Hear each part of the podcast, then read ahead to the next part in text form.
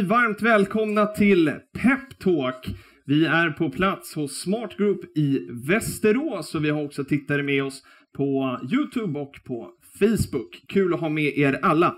Och jag ska börja med att säga att ni som har frågor under det här programmet får jättegärna skicka in dem till mig och då ser de om ni eh, skriver under hashtag Peptalk.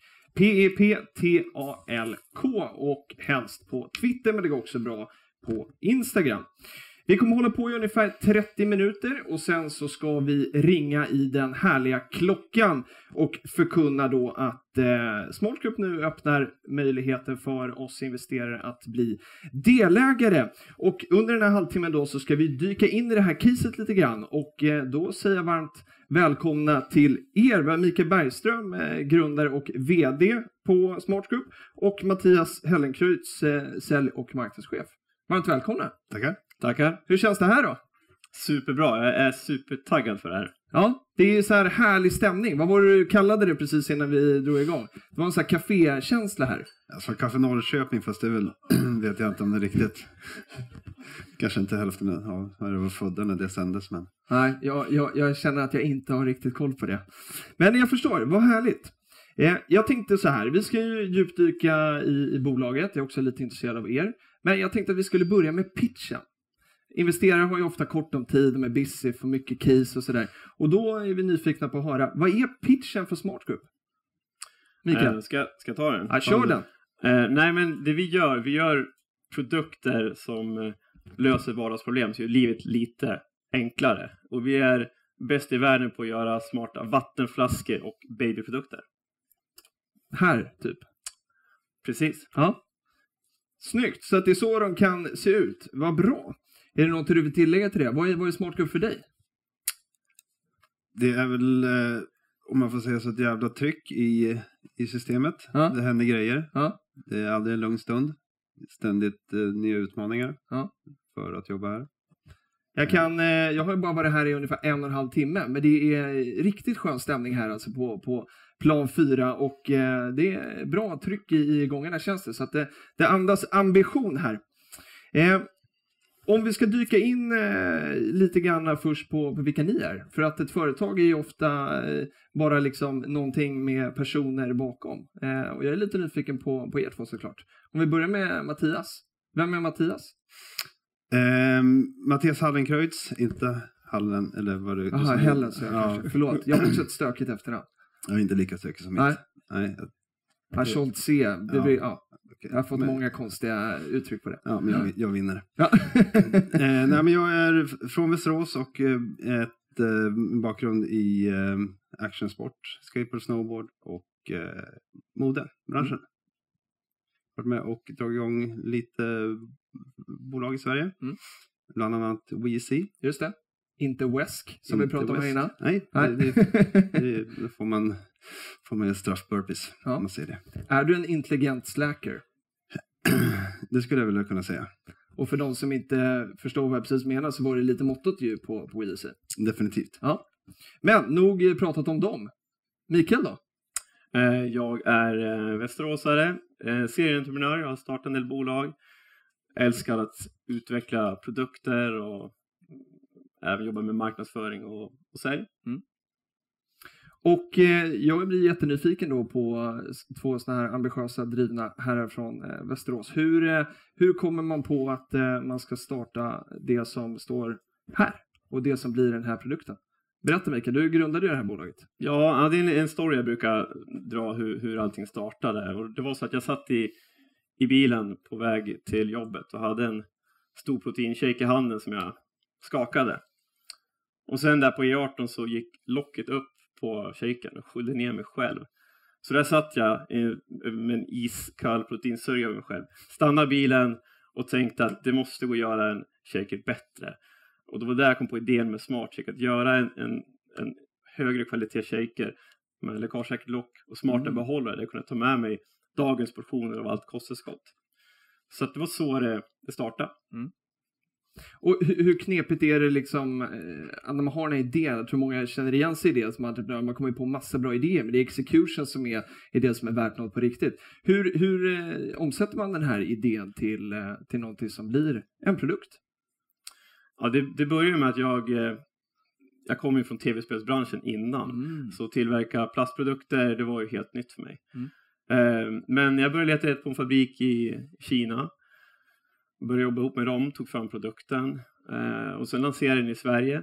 Och sen eh, blev det en succé, så det slut på den här mässan. Mm. Och jag förstod ju verkligen vilken potential det finns. Den här produkten löser ett problem för mig och miljontals andra människor ute i världen.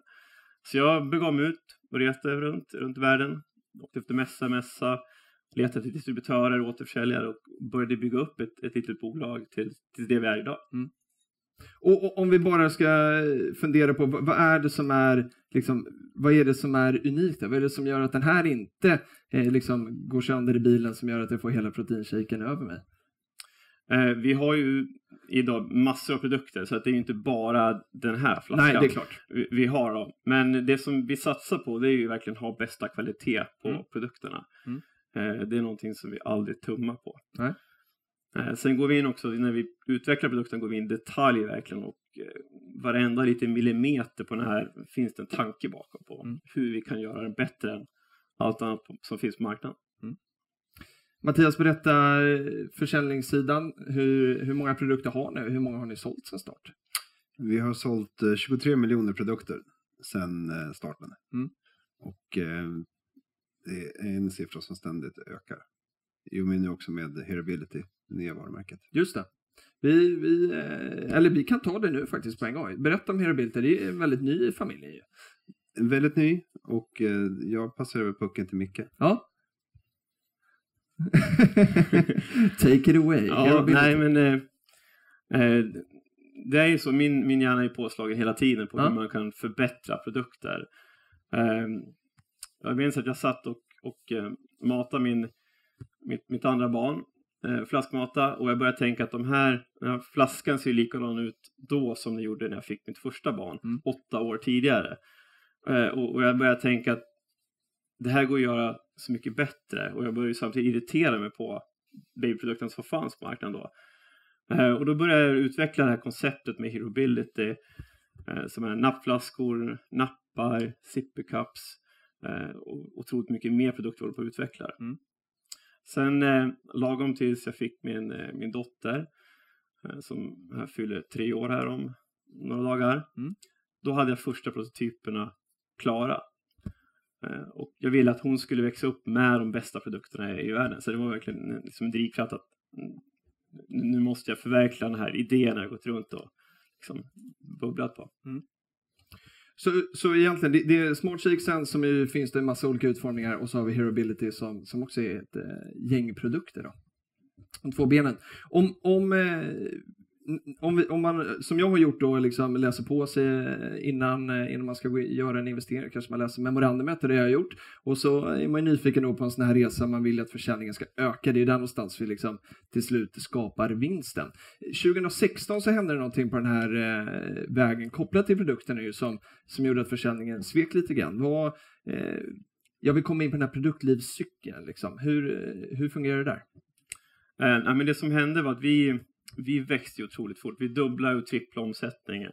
Och vi, eh, vi kände att vi var helt odödliga. Mm. Vi skulle fortsätta och, och gasa så här liksom. Och vi blev lite fartblinda och förstod inte riktigt hur viktigt det är att hela tiden utveckla nya produkter. Att vi kan inte köra samma produkter 2012 som 2016. Eh, man måste hela tiden förnya oss. Mm. Eh, och det som hände var att vi började investera i organisation och försäljning för att fortsätta eh, i samma takt. Mm. Eh, men när försäljningen dök så eh, då blev det ett, liksom ett, ett stålbad där vi verkligen fick stanna upp. Vi fick eh, göra om i organisationen, vi fick se över våra produkter, börja utveckla mera eh, och ändra fokus. Mm. Eh, sen också marknadsföringen så började vi verkligen på allvar jobba med mikroinfluencers och tänka om där. Just det. Men eh, om, vi kikar lite på, eller produktlivscykeln där då. Hur, hur mycket måste man göra om? Alltså hur mycket kräver marknaden, kunderna att, att eh, det ska liksom förändras? Är det en färg eller behöver den liksom se helt annorlunda ut när, när nästa produkt kommer? Ja, man kommer ju en bit med att ändra färg. På bilar har man ju facelifts som kommer liksom Mm. olika omgångar. Sen kommer en stor ny modell. Mm. Eh, och det vi har gjort nu, vi har kommit ut med våra befintliga produkter så har vi nya fräscha pastellfärger. Och det kan man säga är en facelift. Mm. Men sen har vi också en helt eh, ny produktserie eh, som vi ska lansera här under sommaren och hösten. Eh, som heter SmartCheck Revive som är en helt nyutvecklad eh, SmartCheck. Mm. Eh, och där har vi också en ny teknologi så vi kan, vi göra, vi kan printa runt om hela flaskan istället för bara ha ett enfärgs tvåfärgstryck. Så det gör att vi kan göra helt andra mönster och, och jobba mer med, med fashion. Häftigt. Jag, eh, jag, jag är ganska ny på Peppins och eh, blev introducerad till det här caset bara för eh, ett par veckor sedan av min kollega Elin som är med här idag också. Och då visade hon den här flaskan och då min spontana reaktion var så här, men hur unikt är det här egentligen? Och, och de här ser man ju lite överallt på alla gym och, och hur svårt ska det vara, tänkte jag. Och då säger hon så här, nej men Filip du missar en viktig grej och det är att alla du ser på gymmet, det är smart shakes. Och sen, sen träffade min bror som jobbar hos en av era större återförsäljare. Och då hade han med sig en sån här i väskan. Och så sa jag, det här smart är det, är det bra eller? Han sa, alla har det. Och då tänkte jag så här, okej, men hur ser då marknaden ut egentligen? Mattias, be berätta om, liksom, hur, hur ser marknaden ut? Vilka, har ni några konkurrenter? Eller är det som Elin och min bror säger att alla såna här är smart? Ja, i, i Sverige så har vi ett ganska starkt grepp om marknaden. Mm. Klart att det finns eh, konkurrenter fast eh, tror inte någon kommer ens upp i närheten av vår kapacitet. Nej. Vad vi gör här. Sen så globalt så finns det definitivt stora konkurrenter som har en eh, större del av marknaden. Exempelvis i Nordamerika. Mm. Men eh, det är en marknad där vi växer kraftigt också. Men vad är det du och ditt team har, har gjort så framgångsrikt här för att, att kunna, i Sverige då i alla fall, bli, bli en sån ledare? Eh, Men jag tror att när eh, jag var inte in, involverad i bolag när SmartCheck lanserades, men där var det verkligen ett tomrum på marknaden. Där det inte fanns någon konkurrens överhuvudtaget Mm. på en liknande produkt. Det fanns vattenflaskor som jag köpte på sporthandeln för 19 spänn med en liten, su- liten sugpip. Mm. Det- Ganska standard. Ja, Ja. eh, men här är det här är det kvalitetsprodukter som man faktiskt kan använda länge. Mm. Om man gör rent såklart och Mm. sköter om dem. Försäljningen då, vi kunde läsa i den här halvårsrapporten att den eh, i halvårsrapporten för 17 och 18 att det steg med 34 procent och att ni på rullande 12 månader har en omsättning på 85 miljoner. Hur, eh, hur är det här fördelat mellan liksom, eh, återförsäljare och e-handel? Alltså hur ser försäljningskanalerna ut? Ja, kör du. Ja, eh, ja men vi har ungefär 35 procent av försäljningen ligger i Nord och Sydamerika. Okej. 60 procent ungefär i Europa. Mm. Av de 60 är ungefär 10 procent som är i Norden. Mm. Och så resten får Asien eh, dela på. Så, det är där- verkligen inte Sverigecentrerat då? Det är väldigt globalt egentligen. Definitivt, definitivt. Och som i Amerika då, vad är det för, eh, vem är det som säljer de här där? Är det ni själva eller är det, är det butiker eller hur ser det ut? Där jobbar vi i stort sett bara med eh, externa återförsäljare. Mm. Som Walmart, GNC, Target, Nordstrom och så vidare. Namnkunniga. Stora spelare. Ser det likadant ut i, i, i Sverige? Ja, i Sverige jobbar vi allt från då Stadium, XXL, utvalda Intersportbutiker, Mm. ICA och eh, börjar snart jobba med en del apotek också. Häftigt. Och babyfackhandeln också för Ja. Herobility. Såklart. Och- just för Herobility, hur, eh, hur ser e-handeln eh, försäljningen ut där? Alltså, för den är väl ganska stor i, också nu när det är en ny produkt. Ja, vi lanserade ju Herobility bara för ett år sedan med, eh, med nappflaskor. Sen har vi ökat på det sortimentet under med 12 månader som har gått. Mm. Eh, och vi har kommit väldigt långt i babyfackhandeln. Det är vår första strategi att bygga där. Mm. Eh, och nu jobbar vi mer med, med apotek också och kommer köra vissa testbutiker. Eh, så det tror vi är liksom nästa steg för Herobility.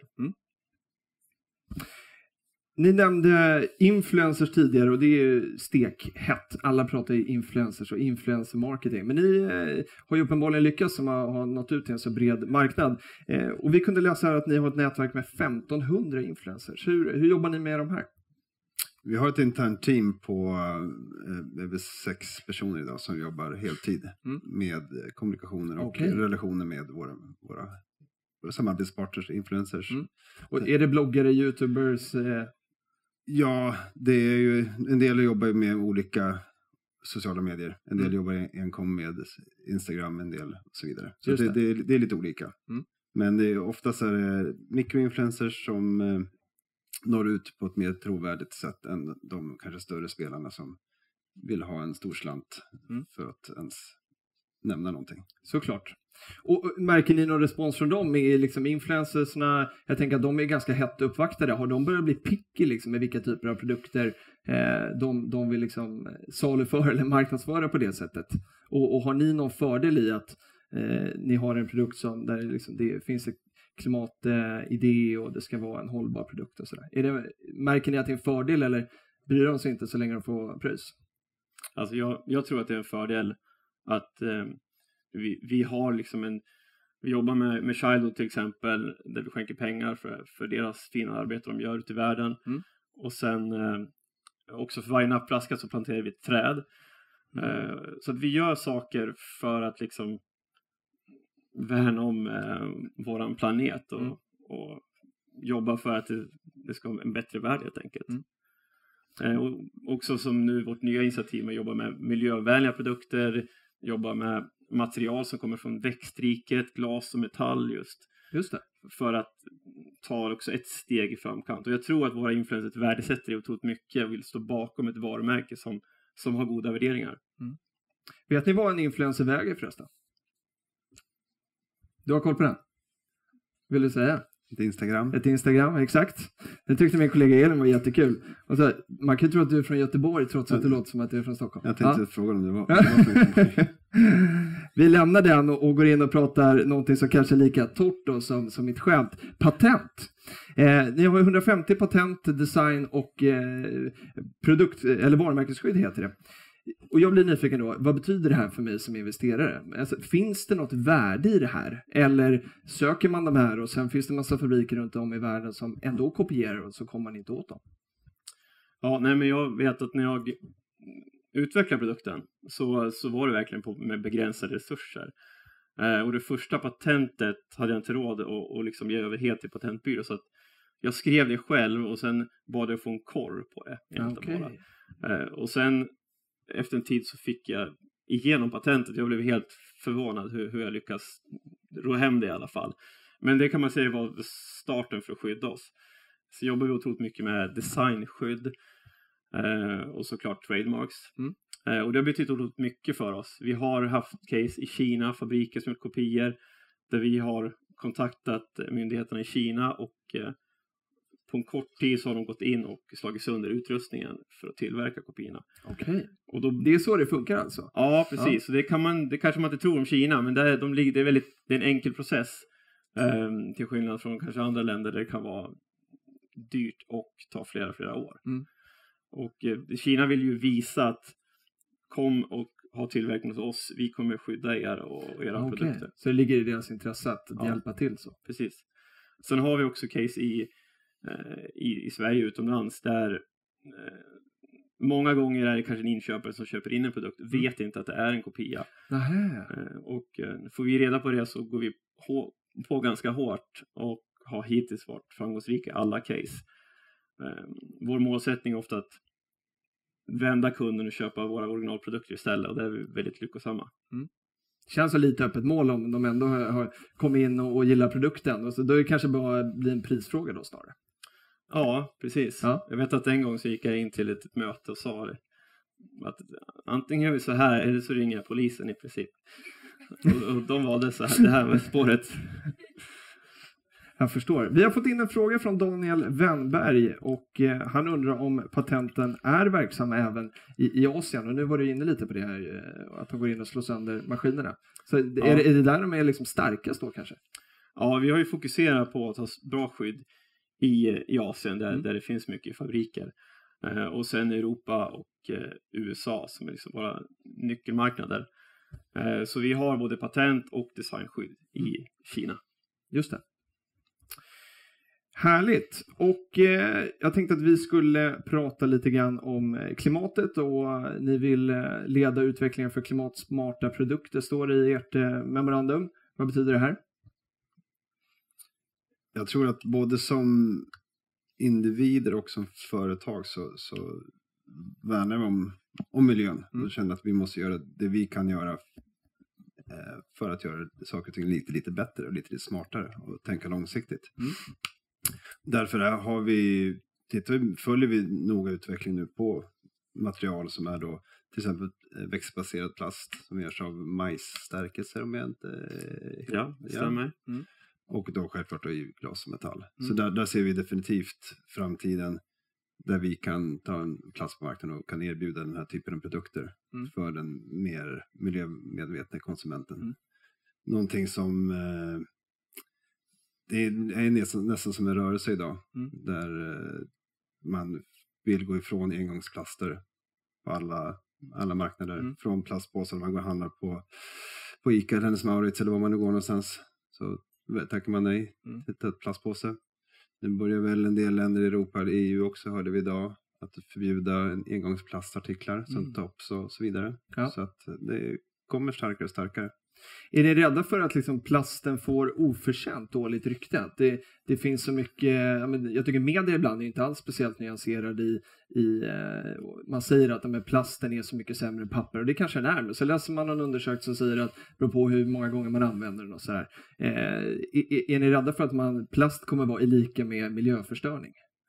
Jag, jag tror inte, plast är ju ett väldigt bra material. Mm. Men används det på fel sätt med engångsartiklar så, som, som slängs i, i havet och sånt där så då är det ju inte bra. Nej. Ehm, så vi ju, tycker att det är jättekul att det kommer mer och mer rörelser emot engångsplast. Eh, och eh, vi ser det, det som ett kvitto. Den satsning vi gör med att ta fram hållbara produkter och sånt där, att, att, liksom, att det är en rörelse, det är ju vi känner att det är perfekt timing för oss och, och liksom det vi jobbar för. Härligt. Och nu då så får ju vi eh, möjlighet att eh, hänga med på det som, som ni tycker kanske ska bli Sveriges nästa exportsuccé då. Eh, och eh, då är det så att här idag då så öppnar vi eller möjligheten då för att bli delägare. Och eh, eh, Smart Group tar in 10 till 25 miljoner eh, med en värdering då på 85 miljoner kronor eh, före emissionen. Och det är så kallade likvidationspreferensaktier och jag, vi ska inte tråka ut eh, någon med det. Eh, utan det är bara en, eh, en, eh, ett, ett sätt av ägande för, för den här typen av bolag som står väldigt väl beskrivet om på vår hemsida. Anledningen till att jag tar upp det här är för att vi fick in en fråga från Leonard Drake som, som undrade varför det är preferensaktier och inte eh, stamaktier i det som eh, är målbolaget. Men gå in på peppings.com och läs under vår FAQ så kommer ni förstå det här. Och då blir jag jättenyfiken på vad ska ni använda de här pengarna till? Eh, det vi ska göra nu, vi har eh, typ ett hundratal nya produkter som vi vill få ut i vår distributionsnät och eh, samtidigt också satsa otroligt mycket på marknadsföring. Mm. Att eh, jobba ännu mer med influence marketing, ännu mer med digital marknadsföring av olika slag. Mm. Eh, och sen också alla nya produkter vi har i pipen, eh, att ta fram de här under de nästa månaderna och eh, snabbt få ut dem i Mm. världen. Häftigt. Och eh, om vi sen kikar lite grann på, på ägarbilden. Eh, många investerare som alltid tycker det är intressant. Jag själv eh, tycker det är härligt när det är ägare av kött och blod och så blir det såklart i sånt här typen av bolag. Men här har vi jättetydligt, för du Mikael äger 97 procent eh, inför då. Ja, precis. Och sen eh, resterande 3 procenten ägs av eh, styrelse och personal. Mm.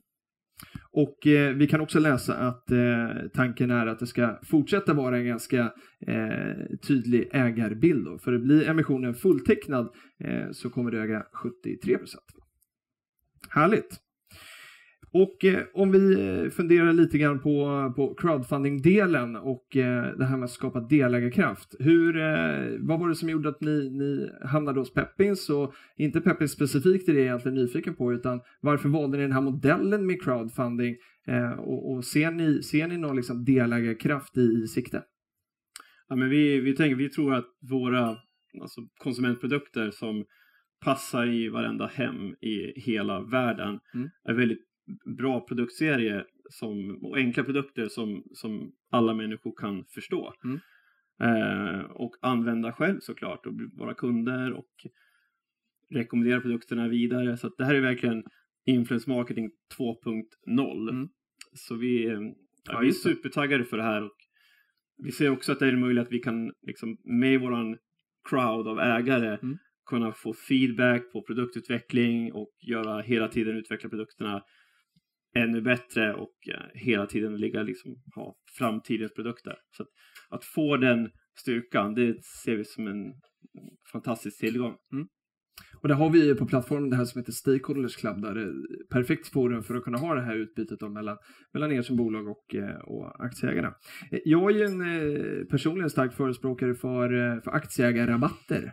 Kan man, kan man hitta på något sånt?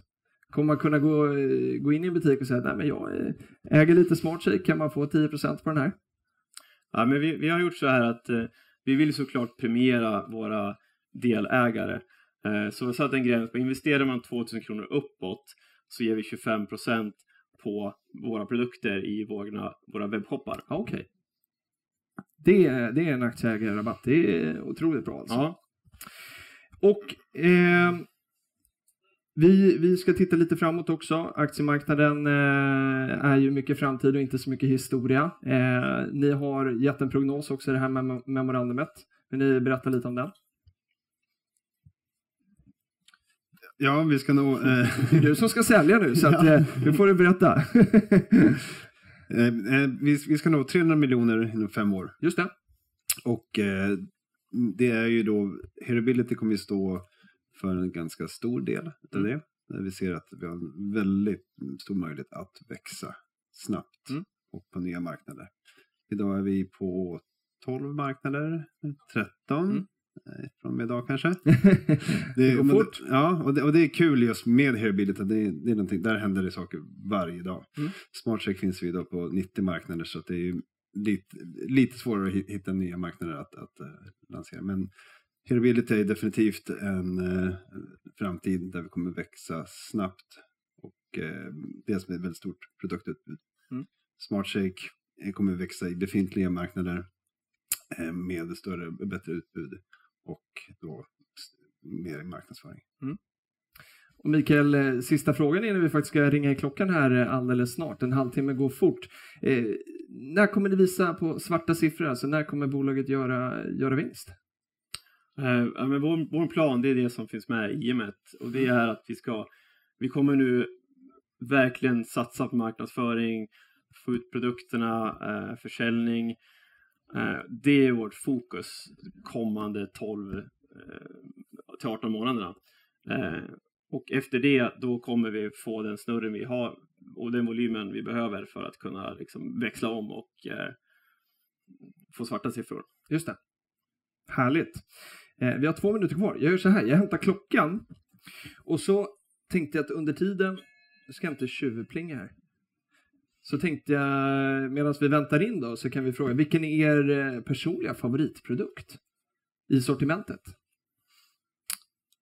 Vilken Ja. använder ni mest? Jag, eh, jag skulle lyfta fram eh, Hero Eco Bottle som är vår nya nappflaska i glas och bioplast, alltså det är plast som är, kommer från majsstärkelse. Mm. Den, eh, vi testkör ju allting hemma. Mm. Eh, och det är ju verkligen min och barnens favorit. Och det är en produkt vi ska lansera här inom kort. Mattias? Ja, jag har ingen nappflaska eh, för mina barn är för stora. Okej. Eller för gamla Ja. stora. Eh, så jag har nog våran kommande produkt Revive. Där eh, faktiskt vi har ett mixingnät där man kan mixa vatten och frukt och bär på Ah. ett sätt så man får lite fruit infusion perfekt nu till sommaren. När, när kan man eh, få tag på den här produkten? Eh, du kan köpa den mig efteråt. Okej. Den, Det är lite- an- Annars så lanseras den i, i augusti. Ja, spännande. Ja. Nu är vi inne på sista minuten och eh, jag tänker att vi ska hjälpas åt att räkna ner och när vi kommer till noll så får ni plinga den här. Eh, Och det som kommer hända nu då, vi ska kolla på sekunderna, vi har 35 kvar, så är det så att på peppins.com så kommer vi då öppna möjligheten för er att bli delägare i, i eh, Smart Group då. Och eh, det kan man bli från 500 kronor. Så att eh, de allra, allra flesta kan vara med hoppas vi. Eller hur? Ja. Och eh, när vi räknar ner nu så hoppas vi såklart att eh, hela det här fyllda kontoret ska vara med och räkna ner. För det, ma- man vet att liksom, det är liksom kraften i det när man ringer i. Det är det som påverkar hur mycket pengar som kommer in. Oj. Vad tror ni om det? Då har vi tre, två, ett. Öppet!